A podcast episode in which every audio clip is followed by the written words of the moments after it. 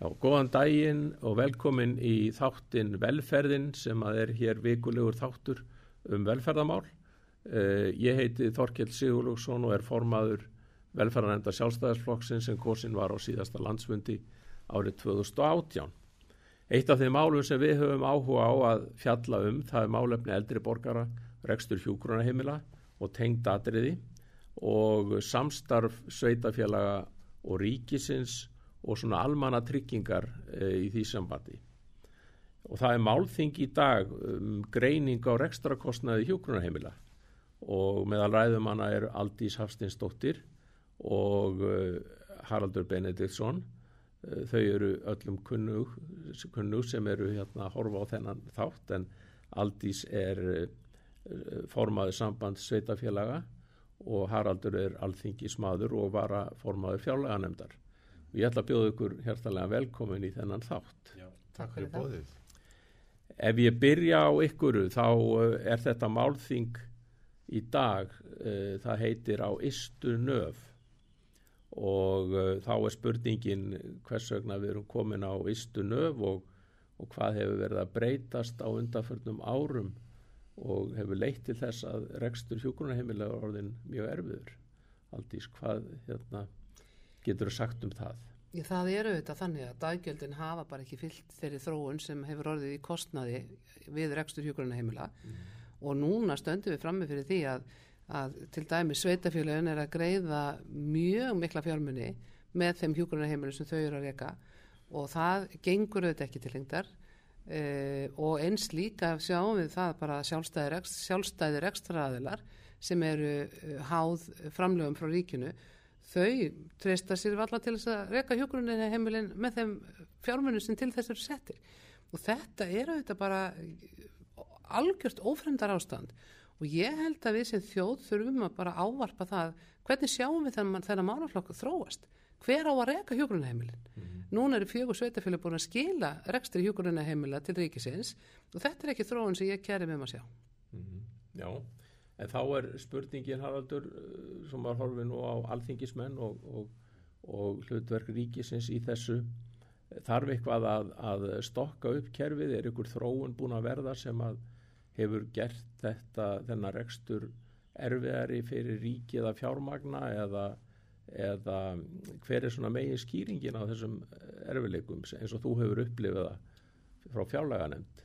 Já, þetta hefur nú fyllt mér frá 2013 í vinnu fjálanemndar og við erum búin að plæja þennan akkur ansi lengi og svona til viðbóta sem aldrei sér að lýsa frá hendi sveitafélaga þá hefur verkefni fjálanemndar verið ekki síst að að ræða þann vanda sem aldrei sér að lýsa líka sveitafélag sem er hér út um land og mís stór hjókurarheimili og, og mís miklu erfileikar e, við höfum uh, lagt uh, í talsverða vinnu í fjálanemndi gegnum árin svona reyna bæða greina orsakir og hvað er að breytast ef ég leiði mig bara svona að taka það saman í svona uh, snubbóta lýsingu þá hafa hjókunarheimilin svona færst frá því að vera þessi dvalarheimili sem við þekktum hér áður sem voru kannski ekki síst bara búsitt úrraði á þess tíma þegar þau voru byggði yfir því að verða -hmm. að einhvers konar sjúkrastofnunum á, á hérna, síðasta hluta æfiskeiðs og fólk er að verða stöðut eldra það er, hérna, er orðið veikar að það kemur hann inn og, og því fylgir þá e, því fylgir meiri kostnæður sem að við erum allavega að sjá að hefur kannski ekki alveg fyllt eftir í fjármögnun á, á, á þeirri þjónustu þar að veita. Og við höfum veld upp í fjárlanemndinni þó hún sé sjálf sem alla málaflokka ríkisins undir að eh, reyna að skilja hvernig kostan er að þróast, hvers vegna er hann að þróast með þessum hætti.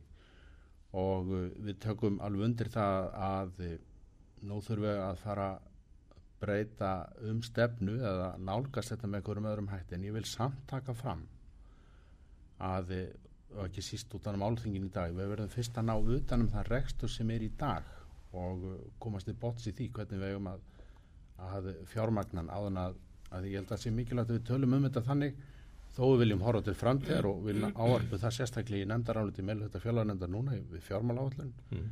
þá voru að ná utan um stöðuna eins og hún er og því að rétt eins og aldrei sér að lýsa meðgjöf sveitafélagana með þessu erfiðleikar í að reka heimilinn og ég geti tínt til e, fleiri atriði. E, það er svona atriði eins og einstaklingar þeim sem að búa þessum heimili okkur fylgja ekki réttindi þeirra til livjakaupa þeim er velt yfir á heimili og það eru fjölmarkar e, fjölmarkir þættir sem við mætti vel rína sem að gæti bæði einfaldað og létt rekstur hugunarheimila en líka ekki síst e, hort til annar eða breyting á þessu sviði mm -hmm.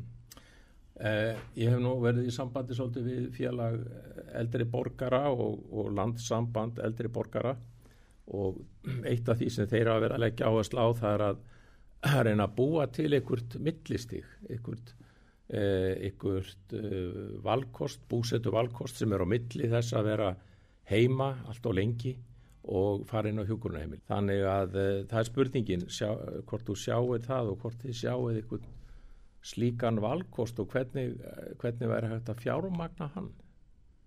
Er hann vandamál ríki og sveitafélaga? Er, er, er fjármögnunar vandamál og samstarf þarna á milli mikil hindrun í þessu öllu? Sko, ég held, svona búsættukostir eru til og njóta mikill að vinsalda í dag. Mm. Við finnum það alveg sem að erum að sísla með þessi mál dagstaglega mm. að það er mikil ásokk í meira öryggi, ekki síst meira, meiri nánd við fólk, svona léttari búsættuskilari og meira öryggi.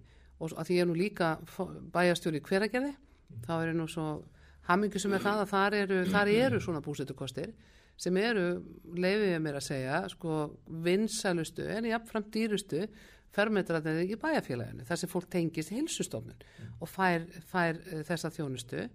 E, þetta er valkostu sem er mjög góður og, um, það, og hann hefur verið til, til dæmis hér í mörkinni, þar sem fólk kaupir sér inn í þetta fyrirkomulag. E, en þetta hefur verið, það hefur kannski vantað þessu upp á bara frumkvæði að við í saminningu ríki og sveitafélagum tækjum bara saman höndum og segja þeim þetta er bara eitthvað valkosti sem þarf að vera til staðar. Hvernig ætlum við að fjármagna hann og hvernig ætlum við að standa að honum? Því það var alveg meðvitið ákvöðin tekinum það að dvalarýmin e, að þeim myndi fækka við vunum það alveg fyrir nokkrum árum þá var, voru dvalarými kannski jafn mörg og hjókunarými og jafn miklu fleiri inn á þessum stopnunum mm. Og þetta auðvitað er ekki lengur. Núna hefur bara að hafa sveitarfélagin og heilsugjastlan tekið að sér að þjónusta fólki í heimahúsi mikið lengur heldur en áður var. Og það auðvitað er kostnar fólkin í því. Við til dæmis það er verið að bjóða upp á kvöld og helgar þjónustu til fólks í heimahúsum á vegum sveitarfélaga og svo kemur heilsugjastlan á móti með hjúgruna þáttinn um, en í, þetta er auðvitað kostnarsamt en svo má bara ekki gleyma því að Íslandinga bú ekki allir í þéttbili Það eru bara dágóðu slatt á Íslandíku sem býr í hennu dreifðu byggðum þar sem er gríðarlega kostnæðarsamt að veita þessa þjónustu heim. Og þó að það sé mjög göfug hugmyndafræði að ætla okkur öllum að búa heima já, þanga til að hjúgrunar heimilið tekur við eins og það er skilgriðt í dag með því vistunumati sem þú þart að ná til þess að komast þar inn að þá bara er þetta ekki hægt ef að fjarlæðir innan sveitafélaga eru það miklar að þú getur ekki sendt fólki með þessum hætti heima hjá sér. Mm -hmm. Þannig að á þeim stöðum þurfum við ekki síst að huga að búsutu kostum og, og öðruvísu úrræðum og þar kemur svo aftur til kasta byggða áallanar og byggðastefnunar á Íslandi. Hvernig, hvernig viljum við sjá þetta gerast? Því að í þessari góðu skýslu sem að Gilvi styrðin og starfinu við, þar kemur fram að sum sveitafélaga heimilin eru dýrari, þau eru minni einingar En það er kannski líka bara hluta því að vera Íslandíkur að búa á Íslandi, hvernig viljum við þjónusta fólk sem býr ekki á höfuborgarstæðinu? Það lítur alltaf að vera munur á því og þá þurfum við að koma með, með þessa, þessi búsættúræði og það eru, þetta, það er, það er verkefni sem örgsveitafjölu eru að, eru að glíma við og, og eru að byggja svona íbúðir, jáfnfélag tengslum við dagdvalir og, og félastarfið og annað slikt. Mm -hmm. Þá kemur upp þessi spurning líka sko hvað vilja íbúanum ég finnst eins og að við tölum nú okkar flokkur talar um frelsi og fólk hafi frelsi til ímissa hluta en þegar þú orðin gamall, orðin aldraður þá missur þú svo mikið frelsi þú missir frelsi við að velja að í hvers konar e, húsnæðið þú býrð þú ferð á hjókunarheimili þú ferð í herbyggi sem henda er ekki eða getur ekki valið um mismunandi valkosti, uh, þú getur ekki unni lengur nema með skerðingu. Og það er talsveit mikið frelsi sem er tekið af eldriborgurum og, og það er líka þannig að ríki tekur yfir og sveitafjöfin algjörlega þetta mjög mikið. Þannig að, að allt sem heitir sjálfstætt starfandi eða, eða hérna, sjálfsegnarstofnanir eða enga aðilar sem er að veita þess að þjónustu þeir, þeir kom ekki til, eru ekki þarna, já, er að frökla svolítið frá þessu að það er ekkit, það er ekkit eh, slæmt að fara úr sínu húsnæðu og, og búa eitthvað staðar innan um annað fólk í, í fjölbíli. Ég er nú sjálfur í fjölbílishúsi og það er bara, það er svona aðlaga þetta að, að, að, að nútímanum og þeim veruleika að við eldumst en við eigum, eftir að lifa miklu lengur bara góðu lífi sem eldri borgarar. Já. Þú nefndir hérna Þorkild, þau þurftum ekki að fara að hugsa þetta upp á nýtt? Og ég, ég er alveg samála því og, og ég held að þessi svona nálgun þín að þetta hvernig við erum að ganga á frelsi fólks sé líka ákveðat sjónavöldum sem að standa á því að það getur líka verið ákveðin drivkraftu til breytingana uh, ég segi með við mannfjölda þróun og, og hækkandaldu þjóðar þá mun ríkið ekki byggja hjúgruna heimili fyrir alla þá sem á því þurfa að halda. Mm. það er nú bara fyrir mér einn staðrind mm. þá þurfum við að hugsa þetta með öðrum hætti. Fólk er nú sem betur fer almennt orðið ágætlega stætt til að koma þér á þennan aldur. Það eins og þú segir býr í stórum egnum Eh, þá getum við hugsað getur, getum við nota skattkerfið líka til þess að hjálpa til við þá umbreyting og húsnaði öðru lagi þá hef ég oft velt fyrir og ég held að við ættum að taka umræða það við, við munum verja fjármunum til þess að, að e, þjónusta fólk sem hafa komið með, með þjónustu þörf. Á fjármagnir kannski að fylgja fólkinu. Má ekki fólkið eiga þetta húsnaði sjálft frekar en að við séum alltaf að byggja það í, á hendi ríkisins setja það með einhverjum hætti í rekstur sem er nú ótrúlega fjölbreytt form á í dag, held að þessi þrjú eða fjögur ekstra form á hjúkraheimilum í dag. Og láta frekar e, fjármagnir fylgja fólkinu. Í þriðalagi vil ég nefna sem að ég veit að Aldís þekkir mjög vel og er nú svona verkefni sem að farið á stað örgulega víðar enn á Vesturlandi, ég þekki best til þess þar, að það líka brjóta svolítið sílóun og milli e, þjónustuð þeirra þjónustu þáttan sem sveitafélag er að veita og síðan þjónustuna sem ofinbera heldur á. Þannig að það verður meira flæði á milli þessara kerfa. Þannig að þú sem einstaklingur komin á þennan aldur hafið valkosti. Mm.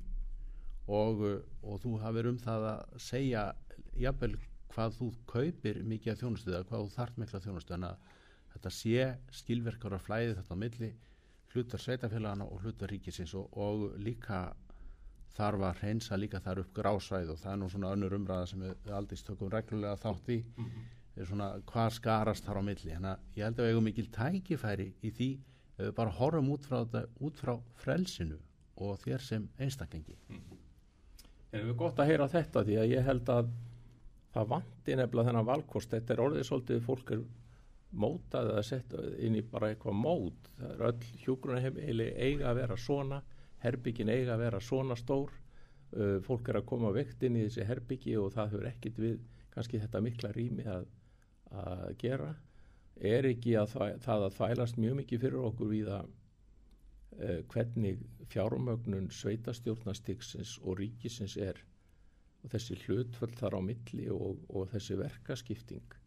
Og svo eru ólíkir hagsmönir og, og ólíkar, ólík geta á, á höfuborgarsvæðinu eða út á landi. Bara í málefni, málefni fallara sem að það taki það sem dæmi hvað þetta hljóta, lítur að vera erfitt við út á landi og eins og með eldri borgara.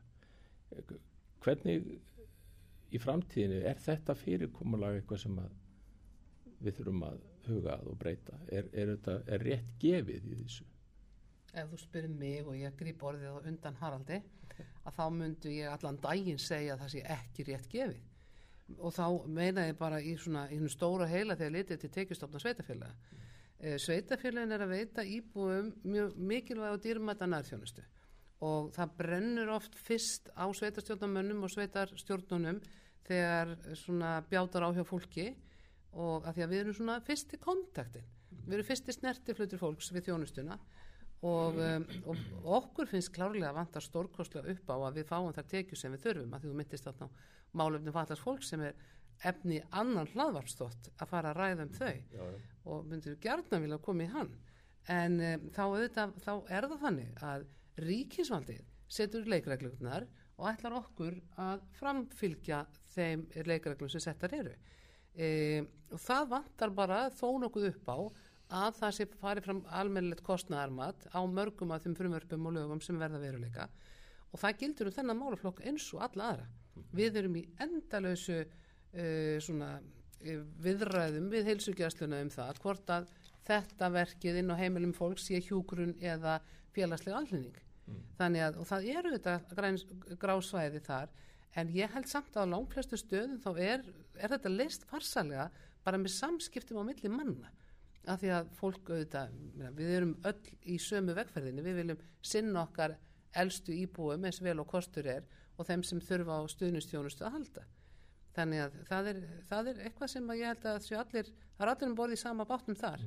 En svo auðvitað þekkjum við alveg þessa umræðu hvort ég að flytja málaflokkin alveg yfir til sveitafélagana málefni aldraða en þá segjum við í staðin ef að það á að gerast þá verður auðvitað að vera búið að koma málaflokknum á einhvern þann stað að það sé hægt að færa nýfir á, en ekki að færa nýfir með óralöngum bygglustum og vanfjármögnum hjúgrunaheimilum og illa skilgarindir í heilsugjæslu að það, e, það er ekki málaflokkur sem við getum tekið við meðan að þannig er. Nei. Það verður auðvitað bara að grípa til þeirra aðgerða sem eru nöðsynlegar núna því að við sjáum það er bara bráðavandi í rekstri hjúgrunaheimiluna og, það er- og það er bara eitthvað sem þarf að leysa og uh, sko, það er nú bara talað um uh, ég meina það hafi verið búinir til uh, alls konar viðugar við um, fjálög af minna tilefni en því að sveitarfélög séu umverfum að skila rekstri hjúgrunaheimila og sjálfstæðir ekstraræðilar séu mörgunum að gefast upp.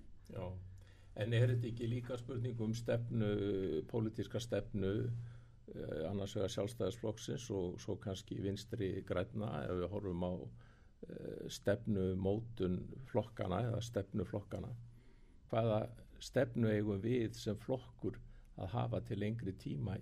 Eh, eigum að leggja áherslu að hafa heilbriðismálinn sem er og velferðarmálinn sem er langstæsti útgjaldaliður við höfum svolítið ekki kannski lagt mikla áherslu að vera þar og ekki kannski heldur mjög mikla áherslu á mentamálin um, ekki alveg upp á síðkasti allavega þetta er nú langstæstu mikilvægastu málaflokkanir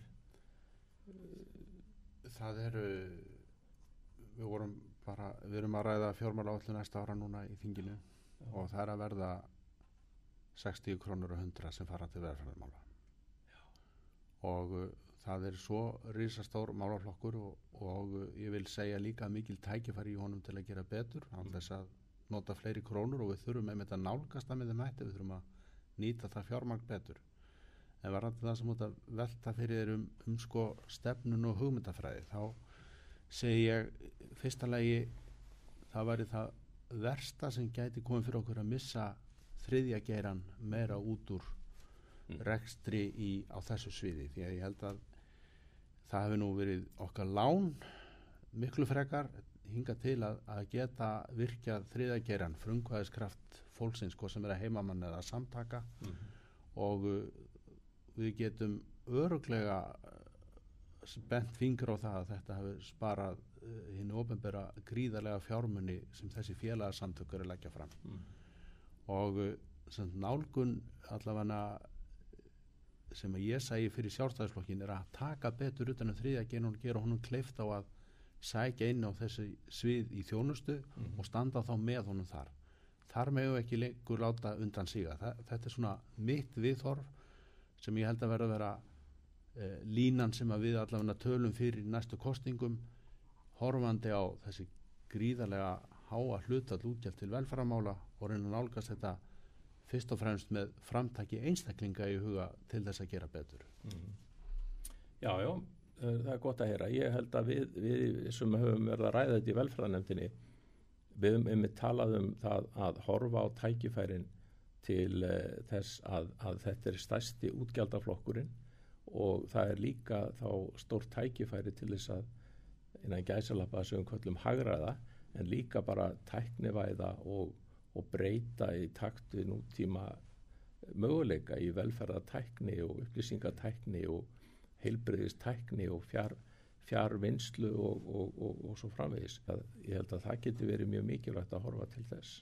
Ég held að við hefum að líka nálgast þetta kannski að svolítið meira auðmíkt heldur nokkur hefur lánast hinga til. Og því að við sáum nú bara nýlega viðhórskönnun til engarækstrar og það er búið að takast að setja ljóðan stimpil og engarækstur og ég held að við erum að vera meðvitt um það sem eh, stjórnmálarhefinga að hérna heyra þessi viðvörun orð þar sem að fólki er að mm -hmm.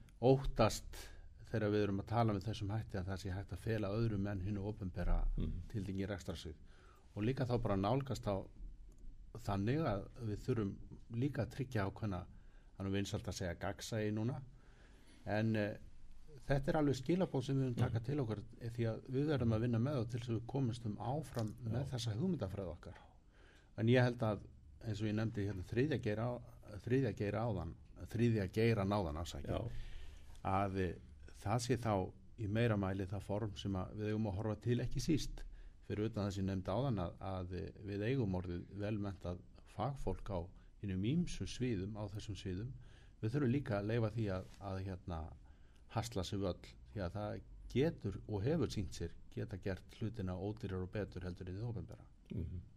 Já, ég held að þetta sé líka mikilvægt út frá því að að eh, ment, fólk sem er að menta sig erlendis í nýjum hlutum uh, geðlækningum og ímsu sem snýrað eldri borgurum og er mikið vandamál að uh, þetta fólk vil koma til Íslands og ég held að ríki get ekki verið eini aðilinn sem að er að ráða fólki í vinnu til þess að sinna heilbriðis og velferðamálum. Þetta þarf að verða að, aðilar sem að já, eins og grund á sínum tíma og, og grund er náttúrulega búið að vera sjálfstæð starfandi engar ekki í þeim skilningi án hagnaðardrefina sjónamiða mm. alveg frá upphafi og, og, og ég held að fólk áttis ekki alveg á því að mikilvægi þess að hafa haft grund til dæmis og rafnistu. Þú nefnir svona uh, mistök engar, engar megin. Já. þannig líka hinnum megin sko. Já, við ekki gleyma því og, hérna, og þess vegna held ég að skipti máli að við, hvernig við nálgumst, nálgumst um þessa umræðu. Já. en ég held að bara grundallar aðrið þessu sem að við erum að ræða af því að þú nefnir að við séum áhuga að verða kostu fyrir fólk sem að hefur farið elendis og menta sig og við þurfum að innlega hérna mikla tæknubildingu sem að við erum, því það ofenbæra nú líka hluta til að fara fjárfest í sem ég held að veri stóra breytingin á næsta árum, hvernig við nýtum hérna stafrænu lausnir mm -hmm. þá held að grunnlínan í þessu sé fjölbreyni, við þurfum að tryggja fjölbreyni á þessu sviðum Já. til þess að, að þetta sé áhugavert Já. fyrir fólk að hasla sig valla fjölbreytni og frelsi. Frelsi til að velja. Já. og ég held að ef við horfum bara til nótenda þegar þess að fólk sem að við erum að þjónusta því að við hérna sem svona ofinbyrjur þjónar fólksins eigum fyrst og síðast að horfa til þeirra þarfa sem við þurfum að uppfylla. Að þá vil fólk hafa frelsi til að velja. Mm -hmm. og ég held að þessi bara að það er í reyni það er ekki lengur bóðlegt að val þitt felist í engu öðru en því að þú lendir á hjúkurunaheimili á söðakrök með öðrum í herbyggi mm -hmm. það er bara ekki val. Mm það er bara ekki bóðlegt og þannig að þó að geti blessast og hafi gert það þá er þetta ekki eitthvað sem við sjáum til framtíðar. Og svo er líka annað sem ég vil bæta inn í og því að Haraldur er búin að fara ágjörlega yfir þannig mikilvægi þess að við innleiðum uh, enga framtæki meira. Og þá ætlum ég að taka undir það sko, við verðum auðvitað að gera það þannig að fólk byrju trösti þess. Mm -hmm og þá þarf að vera gagsægi og eftirlit að sjálfsögðu. Mm. og við þurfum líka kannski aðeins að, að lifta því meira. Við þurfum að þóra bara sem flokkur að segja þetta er eitthvað sem er gott. Og við stöndum á bakvið þá aðila sem að eru hvað fremstir í þeim flokki. Að þú minnist á grund. Ég held að grund sé að fagna 100 ára ammál á næsta ári. Já, já, er það ekki? Jú, þannig að þar eru til dæmis aðilar sem eru búin að vera í þessum rekstri í þrjá mannsaldra þannig að það er, það er gríðaleg þekking hjá þriðageranum og hjá sjálfsegnarstofnunum í þessum efnum. Mm -hmm. En svo get ég ekki, því svo hrættum að þú fara að loka hlaðvarpinu, get ekki slefti að sko, sem þjóð um, sem er að sjá aldurspyramítan í grunninn snúast við að þá verðum við að bæta gæðum við lífið. Við verðum uh, að huga forvörnum miklu fyrr og miklu ábyrgar og öflugar heldur við erum að gera í dag til þess að koma í veg fyrir að við lendum að stórun luta í þjónustu þörf þegar við verðum eldri.